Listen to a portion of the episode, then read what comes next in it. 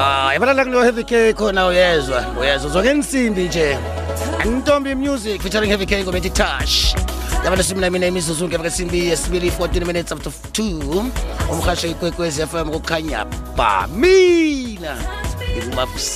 Wena ke kahle tsakama lapha ke baba msiza Judas msiza ubuya lapha ke eh mnyangweni wezokuthuthukiswa komnotho esifundeni sempumalanga eh, ubuya lapha ke officeini le Witbank eh ukhumbula ukuthi ke umnyaka wabo eh umnya- m- m- if- ya- ngithi kuphela lapha ke eh, umnyaka mali we-office leli eh kazi lokuthola omunye lapha ke eh, ngo-April eh, amakampani amaningi namtshela amabubula amaningi eh, yazi ukuthi ke vele eh eh, unyaka wabo wemali uyaphela ke eh, nje ngenyanga akantaka eh ke ke ke kasibisele emva eh, lapha ke ubaba umsiza eh, ukuthi office labo konje eh, licakatheke ngani? Lisebenza bunjani? Eh, baza bavulile nje eh njengoba ku- ku- ku- ku- ku- ku- kunejima eh, le lockdown nje. Mholozi silotshise khulu kwamambala silotshise vusi sithabakuthabanga silotshisako ujudas msiza ovele office ye-consumer protection service.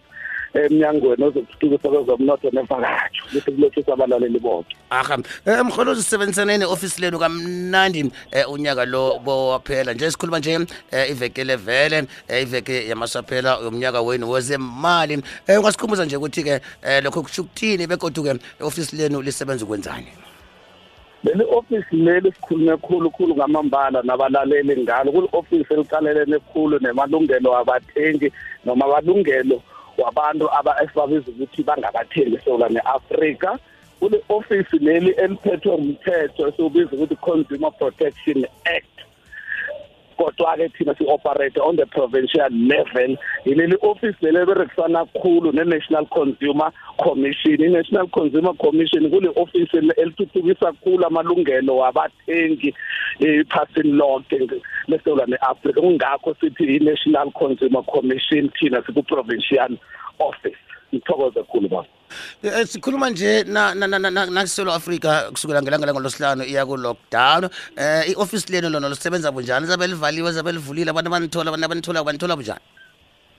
Ngithokoze babushabanga uyazi singenelwe mamanzi eh ngendlini esewula neAfrika ngobulelo obukhona lobu. Noma ngenge ngenkulumo lezi ezikhona lezi ezibizwa ukuthi kune coronavirus anginalo ihlelo elihle engingakutshela ukuthi mina ngingumsiza ngingathi kodwa lokho ekukhulunywa ngumongameli wesewula neAfrika kanye nabaphathi bethu ukuthi silandele imithetho le engasinjalo indlela ezingasiphephisa kakhulu ebulelweni lobo. Lilithindileke ne-office lethu njalo-ke ubulelo lobo obukhona lobo. Akusakhambi ngendlela lebevele sikhamba ngayo. Besicugcuzela njengoba nasikhuluma nje ukuthi yebo abantu banazo iy'nkinga mara kuyoba nzimanyana ukulifikelela i-office lethu sibonane face to face. Ngesimemezelo esenziwe ngumongameli wesewula ne-afrika umnumzana usiril ramaphosa. Okwenje nganje bengingavuma ngithi abafuna ukuthintana ne-office lethu singaberegisa khulukhulu ama-email noma ama-fax line okwanje. Tododi sizwe simemezelo esitsha esokukhulu esokukhishwa ngumongameli wesewula ne-afrika kanye nomphathi wami noma ngithini i-provincial government yethu yempumalanga.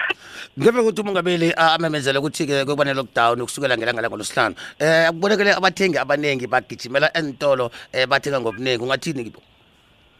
Ngithanda ukuthatha ikulumo kamongameli wesola ne-afrika usibaba Cyril Ramaphosa la discourage khona ukuthi abantu bangapheniki abantu bangathengi nezinto lezi zokukosa ukuthi lebafika ngendlini uzokuthola ukuthi into ezazina azinasizo elikhulu kanti bengingakafanelanga bazithenge ngebhalka ngazi ngobuningi ngathi igama lihle yani ngoba ngobuningi njengona ngizulu abantu abaningi umuntu ufuna ukuthenga imithishu kange-toilet two hundred. So izinto ezinjengalezo sithi abalaleli abathenga into ezicakathekileko bangapheniki. Ya uh, ukhulume ukuthi-ke mhlawumbe nizokuthinana ngama-email ngama-fax eh, unganikela umlaleli akwazi uzitola phasi? Okwanjenganjenge ngathi thina sise-ofisini enkangala region i-fax date is o one three six nine two seven seven four four. Okanye i-email ngathi j j msiza at mpg gov za ungayibuyelela? Inomboro ze-fax line zithi o one three six nine two seven seven four four. Okanye i-email bangayiletha direct kimi ithi j j msiza at mpg.gov.za ngenganikeza amafoni njengemhleni ngoba amafoni ngenxa ye-coronavirus le ekhona kuzoba nzimanyana ukuthi sitholane ngendlela efaneleko. Ngoba nathi silabanye fanele silalele isimemezelo. Kuzwakele mholozi sithokoze khulu bakutshaba ngithokoze bonke abalaleli kade basilalele. Sithokoze khulu nemibuzo na- na- nama-complain esiwatholileko unyaka lo kusuka unyakeni ophelileko kuze kufike unyaka lo. Sibonile ofisini lethu bonyana liphakeme izinga la- lama-complain okanye nabalaleli kuyasikhomba bonyana bazile umlayezo wethu. Sicale khulu istat- istate noma i-statistics esethu sekangala neprovinsi yonke ngithokoze abalaleli ngithokoze nawo bakuthabanga mholozi Aha, ngilapha kubaba umsiza ungamthina lapha efax number yabo ithi 013 692 7744 013 692 7744 eh namshana umhlaleli email eh, echika kuya bunqopha ethi jjmsiza at mpg gov za jjmsiza at mpg gov za